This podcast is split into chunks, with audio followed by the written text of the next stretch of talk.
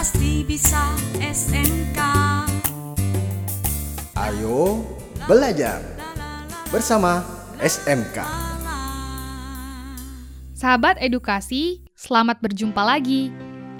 Mata pelajaran kali ini adalah bahasa Inggris dengan tema Degrees of Comparison atau perbandingan, terutama tentang menyusun teks perbandingan. Yuk kita dengarkan sama-sama.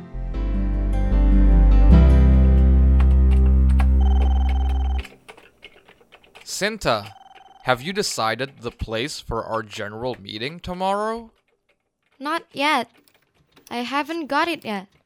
We don't have enough space. Why don't you try the Hall B?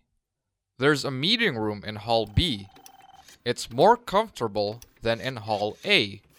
It's also larger and bigger. It has better quality of the facilities inside the room. Oh, really? What do you think of renting a city hall? We need to provide more sophisticated meeting rooms since our guests come from some countries in Europe.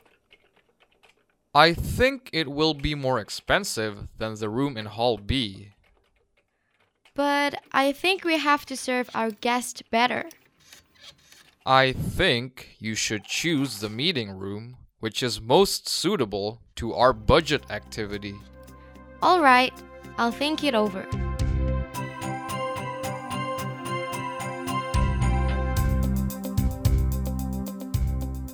Sahabat edukasi, dalam percakapan, ketiga tingkatan dalam ungkapan perbandingan dapat kita gunakan.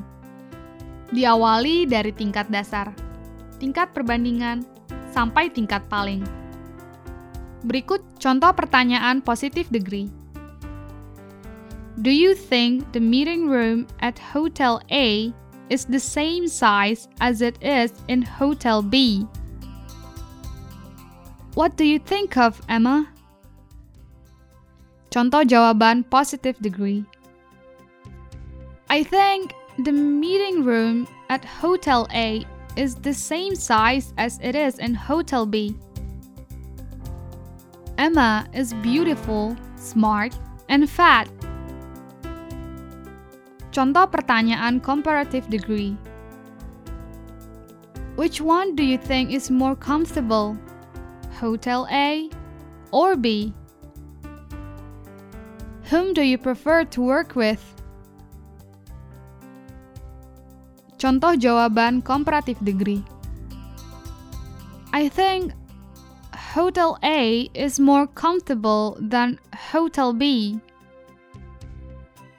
I prefer to work with Emma better than Bita. Contoh pertanyaan superlative degree. Which hotel do you think is the best place for our event? Which one is the most qualified employer? Contoh jawaban superlative degree. I think you should choose the hotel which is most suitable to our budget activity. We believe that Yuan is the most qualified employee.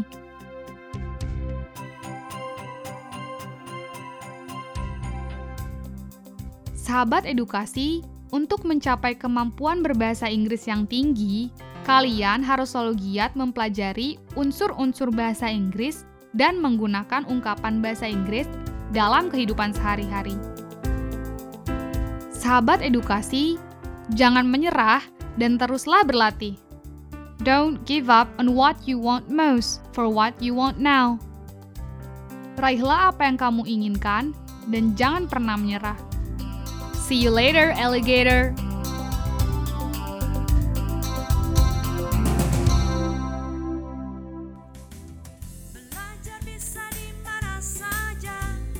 Di sekolah maupun di rumah. Praktekkan ilmu yang kita dapat, kamu pasti bisa. Ayo belajar bersama SMK. SMK pasti bisa. Sampai jumpa.